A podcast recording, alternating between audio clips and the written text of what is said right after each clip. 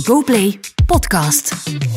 We kennen jou als uh, interieurarchitect van uh, het programma Blind Gekocht, uh, onder andere. Wat vind je van ons interieur eigenlijk? Zou je daar direct dingen aan veranderen? Of, Moet ik daar nu op antwoorden? ja, je mag er ook over nadenken en straks zeggen. Maar, ik ga erover nadenken, ja. ja. Presentator mag blijven, toch? Hè? Ja. Dat twijfelde even. ja. Telkens er iemand afvalt en de slimste mens ter wereld, blikt die pechvogel de volgende ochtend terug op zijn of haar deelname. Met mij, Pieter-Jan Marchand. Het is donderdag 23 november en vandaag zit hier interieurarchitecte Kelly Klaases in De Slimste Mens, The Morning After.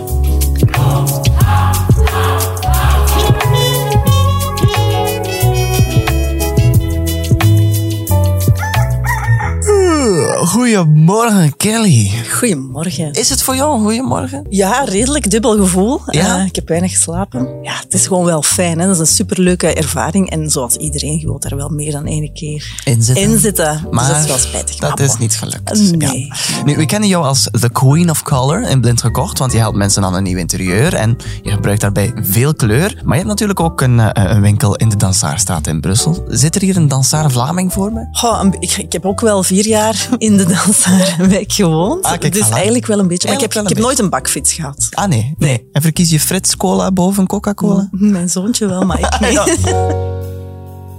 Over de slimste mens ter wereld. Je zei dat je had voorbereid met je zoontje, Leon. Ja. Die er ook bij was. Hoe oud is je zoon? Tien. Tien, Ja. ja. En eh, welke voorbereidingen heb je dan met hem genomen? Oh, ik ben heel stom, want ik heb geen enkele vraag over aardrijkskunde gehad. Maar ik dacht van ja, dat is mijn zwak punt. Dus Ja. ik heb heel de tijd hoofdsteden aan het leren geweest. Hij zei dan bijvoorbeeld Turkije en dan zei jij... Ankara, denk ik. Ankara. Ja, voilà, ja. Inderdaad. Was hij meer teleurgesteld dan jij dat je eruit lag? Enerzijds was hem heel fier, want hij kwam ook zo zeggen, goed bezig mama. dus dat is, wel, dat is wel lief en dat is wel schattig. Zo tijdens de reclame komt hij dan zo ja, even naar je toe. ja, echt Ah, ja. zo. Dan deed hem zo teken van, kom even. En dan, eh, ja, eh, goed bezig, mama. Oh. Ik denk dat hem het wel leuk had gevonden, dat het langer Ja. had geduurd. Maar ik vind het ook wel leuk om te leren van, ja, je mocht ook eens falen. Hè? Dat is niks mis mee. Dat is, een waar. mooie boodschap. Dat is een mooie boodschap en dat al bij het ontbijt. Nu, je vertelde trouwens dat je hem soms eens patatje noemt. Ja. En ook eh, jurylid Stefan de Hand, die heeft een schattig troetelnaampje voor zijn dochter. Heb jij koosnaampjes voor jouw eh, dochter? eh? Slaafje. Ja. nee, en hoe noemt zij jou? eh? Oh, de grote almachtige verwekker.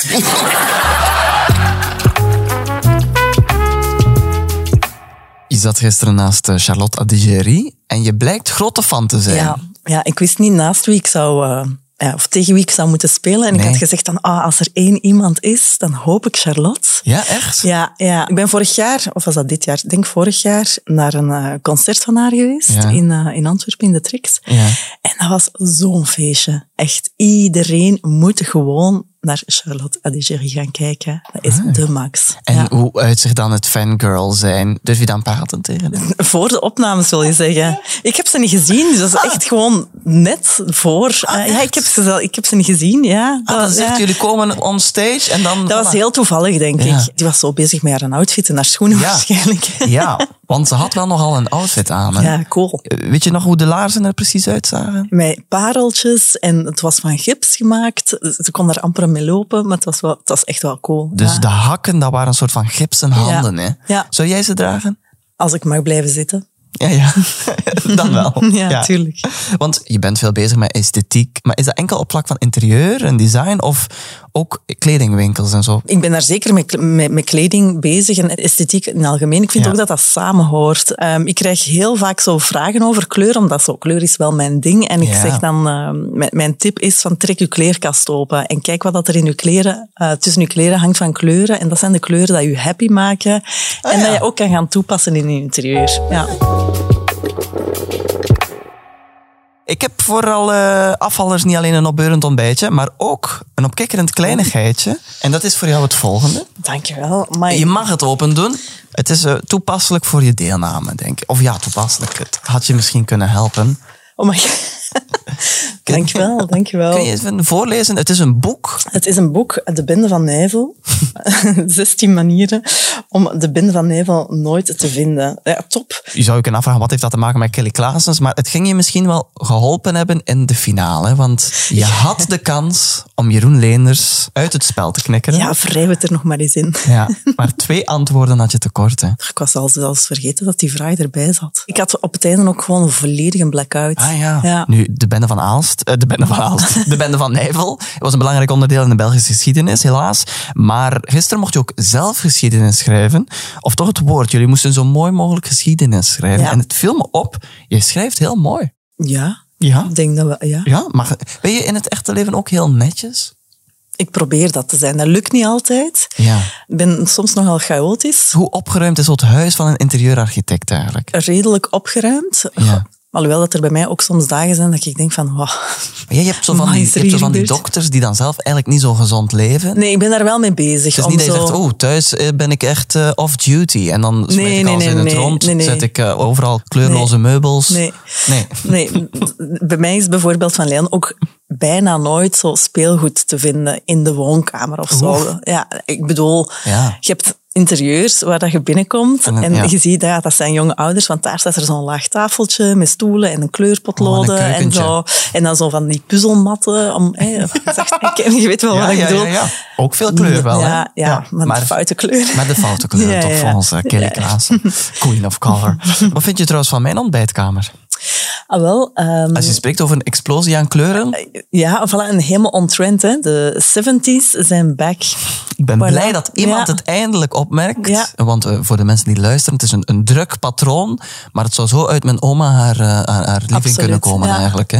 Heel veel Nee, geel, oranje, rood. Welke psychologisch effect hebben die kleuren op ons? Want dat is toch altijd hè, met kleuren, dat dat dan zo... Ja, bijvoorbeeld geel, Ja. dat wekt de eetlust op. De eetlust? Ja, Nou, ja, ja, dat is eh, wetenschappelijk bewezen dat Kijk. dat eh, de eetlust zou opwekken. Het is Ja. daarom bijvoorbeeld dat McDonald's geel, hè, de gele M, of de gele, gele interieurs heeft, want dat zou de eetlust opwe- opwekken. Ja? Ja. Wat zijn de meest kalmerende kleuren? Zo de, de groene tinten zijn heel kalmerend. Ah, ja. Dat doet denken aan de natuur. Dat is Ja. heel rustgevend. En blauw ook. Ah ja. Jurylid Steva Herweer die had trouwens ook iets gelezen over die kalmerende kleuren. Doe jij zelf de was thuis? eh?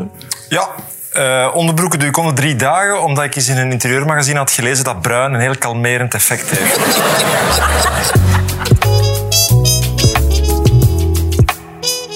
Ik noemde je eerder al de Queen of Color. Dat is geen officiële titel natuurlijk, maar het was al Jani die jou zo noemde. En blind gekocht. En al die interieurkleuren, die hebben ook zo'n naam. Ken je bijvoorbeeld Wild Wonder? Wild Wonder. Dan moet ik nu raden welke kleur dat, dat is. Wel, ik zal het je vertellen. Het is de kleur van het jaar volgens het verfmerk Flexa. Ah ja, maar ja. Ja, dat. Elk verfmerk heeft wel zijn, Heeft kleur van heeft het kleur van het jaar. Ja. Dat is gewoon een marketingtruc volgens ja, jou. absoluut. En Ja. nogthans, Ja. Wild Wonder is een positieve natuurlijke geeltint die ons verbindt met buiten. Oh, wauw. Wat, wat is Ja. het kleur dan nu? Momenteel... eh, Als het niet Wild Wonders is, volgens jou. Want Nee. Ik denk dat dat misschien die, die, de gele kleuren, hè, dat is dan weer gerelateerd met die 70s. Hè, Dat zijn zo de, de geel, de oranje, de bruin en zo, de, de vuile groene tinten. Ja. Dus dat zal een trendkleur zijn dat je volgend jaar meer gaat zien. Momenteel zijn het zo nog altijd wel zo de aardse tinten. Heel veel terracotta, Ja. groentinten, nogal donkere tinten ook, zo moody kleuren. Dat is momenteel wel... En dan volgend jaar, dat weten we nu al, wordt het vuilgroen. Ja, zo de avocado groen noemen Ah, ja. dat. Ja, dat is echt een herinterpretatie van die kleuren van de 70s, dat dan nu wel vaker gemengd gaan worden. En wie bepaalt dat dan? Dat zijn gewoon trends, dat is eigenlijk zoals in de mode. Ja. En trouwens, wat je nu in de mode ziet, dat gaat je binnen x aantal tijd dan in interieurs zien. Ah ja. Ja, dat komt altijd een beetje later, zo de Maar interieurs. dus modetrends, kleuren die in mode worden Ja. gebruikt, zitten een paar jaar later ook in Ja, interieurs. vaak wel. Nu, in Blind Gekocht hadden mensen een bepaald budget, een bepaalde wens. En ze kwamen dan naar, naar jullie, de experten, om op basis van dat budget een huis te kopen en te transformeren. Dan ligt er natuurlijk heel veel vertrouwen in jullie handen. Maar je moet dan interieurs kiezen voor mensen die je niet echt kent, waar je ook niet echt heel veel contact mee hebt. Hoe lukt dat eigenlijk om op basis van zo vaak toch een kort gesprek te bepalen wat dan hun perfecte interieur zal zijn? Ja, dat is, ik denk, ergens wel ervaring het is niet de eerste keer dat ik projecten deed natuurlijk. Nee. Dus die mensen lezen en, en proberen zoveel mogelijk informatie uit iemand te halen zonder dat ze het eigenlijk weten wat ze nu willen. Want dat is ook vaak de, de issue. Hè. Meestal, hè, dat mensen het Ja. eigenlijk niet weten wat ze willen. Nee, hè? voilà. Ja. En dat proberen te lezen en dat te vertalen en gewoon heel doordachte beslissingen maken. Hoe lang heb jij nodig als experte om iemand te kunnen doorgronden? Om te weten welk interieur die wil?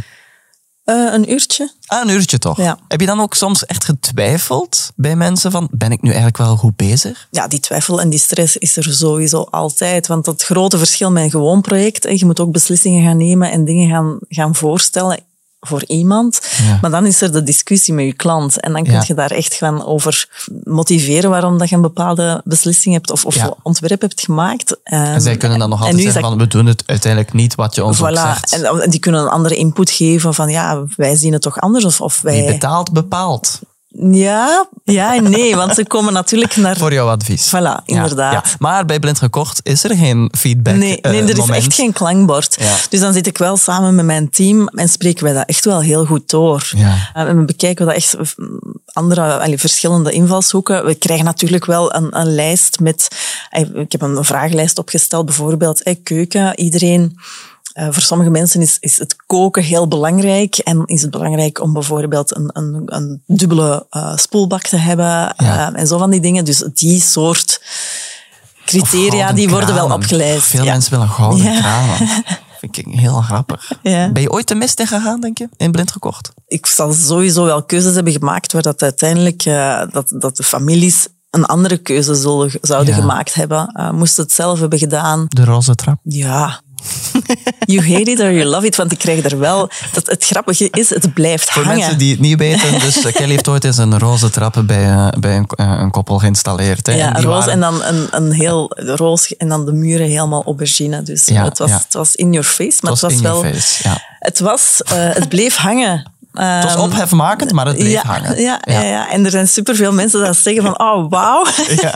en, en er zijn er minstens evenveel dat zeggen van, oh my god, wat heeft die nu gedaan? Het is een beetje zoals deze Ja. tijden, polariserend. Absoluut, absoluut. Eh, gisteren eh, vroeg Erik ook meermaals wat tips voor zijn interieur. Allee, toch het interieur van zijn studio. Maar na de finale, toen je eruit lag, was je niet zo heel constructief. Heel veel dank om mee te doen. eh. Dat is leuk. ja, en nu, heb je nu met u al wat je wilt doen met het decor? Of, eh, of Afbreken. afbreken? Ja.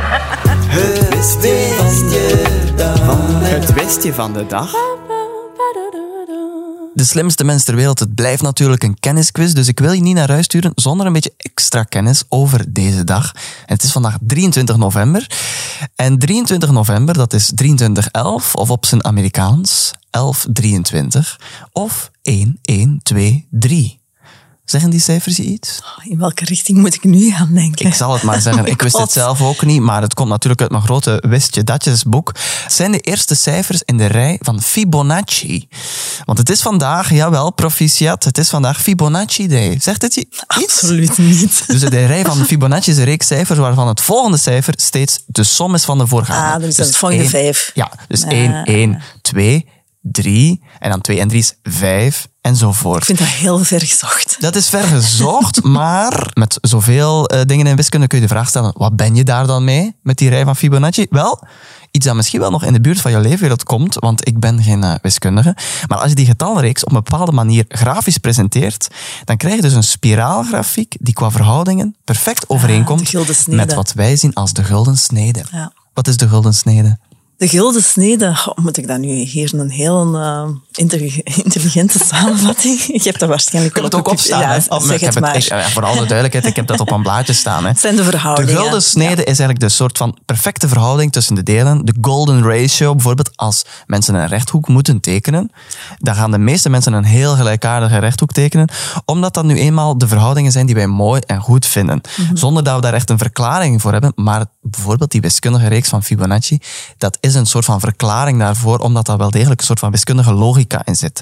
En dat zie je heel vaak terug in kunst. Bijvoorbeeld Leonardo da Vinci, die heeft het gebruikt in de laatste avondmaal. Of in het gezicht van de Mona Lisa, omdat vinden we dan een mooi gezicht. Ja. Maar het zit bijvoorbeeld ook in het logo van Pepsi. De, de gulden snede is dus belangrijk in esthetiek. Dus vandaar mijn vraag, hoe vaak hou jij rekening met dat soort dingen? En hoe wiskundig is eigenlijk interieurarchitectuur? Is dat vaak op, op basis van theoretische achtergrond of toch vooral vingerspitselgevoel? We beginnen eigenlijk eerst met mijn moodboard te creëren en een Ja. bepaalde sfeer te creëren. En dat is echt op gevoel. Hmm. Ehm, maar als we dan verder gaan uitwerken, een ontwerp gaan uitwerken, dan wordt het wel technisch. En dan Ja. moet je wel rekening houden met bepaalde ehm, ja, ergonomische maten bijvoorbeeld. Eh. De hoogte van een, een keukenwerkblad, ja, Ja. dat moet hoog genoeg zijn. Maar ook bijvoorbeeld je kleurenkeuze zou bijvoorbeeld kunnen zijn van ah, ik heb nu hier dit, dus ik moet dan het... het eh, Ja, ja, maar daar kunnen we ook een regel toepassen, de 60-30-10-regel. de 60-30-10 Ja. regel. Ja, ja, Nou, ja. Wat is de 60-30-10 Dat is regel? eh, de hoofdkleur pas je voor 60% toe, dan Ah. de tweede kleur voor 30% en dan nog een derde kleur. voor accentkleurtje? Een accentkleurtje, voilà. Ja. Voor de laatste 10%. Ja. En dan heb je de, het perfecte interieur. Dan heb je een balans, ja. Ah ja. Alles draait rond die visuele balans. Ja, Ja, ja, ja. ja. want net zoals ik, ik denk ook hier heb gelezen, dat je maar drie soorten textuur mag gebruiken. Zo, je kunt niet hout en metaal en... Waar heb je dat gelezen? Ja, op een of andere uh, je datjes eh encyclopedie. Daar ben ik het niet mee eens. Daar ben je het niet mee nee, eens. Nee, nee, Bon, dus de rij van Fibonacci en dus eh, aan iedereen ook een vrolijke Fibonacci-day. Maar eh, nu je dat wist, je weet, zijn we stilaan gekomen aan het einde van dit opbeurende ontbijtje. Hoe kijk je terug op je slimste mensavontuur? Ah, eigenlijk met heel veel ehm, ja, positieve vibes. Ah, ik dacht rancune, maar ja. Ja, ik moet je studio nog gaan afbreken. dat is voor Sevens. Nu, dankjewel Kelly om samen deze morning after te beleven. Dankjewel. En ook bedankt aan jou om te luisteren. Abonneer je op deze GoPlay podcast en dan hoor je hier morgen een nieuwe afvaller. En dus ook een nieuwe morning after. Tot morgen.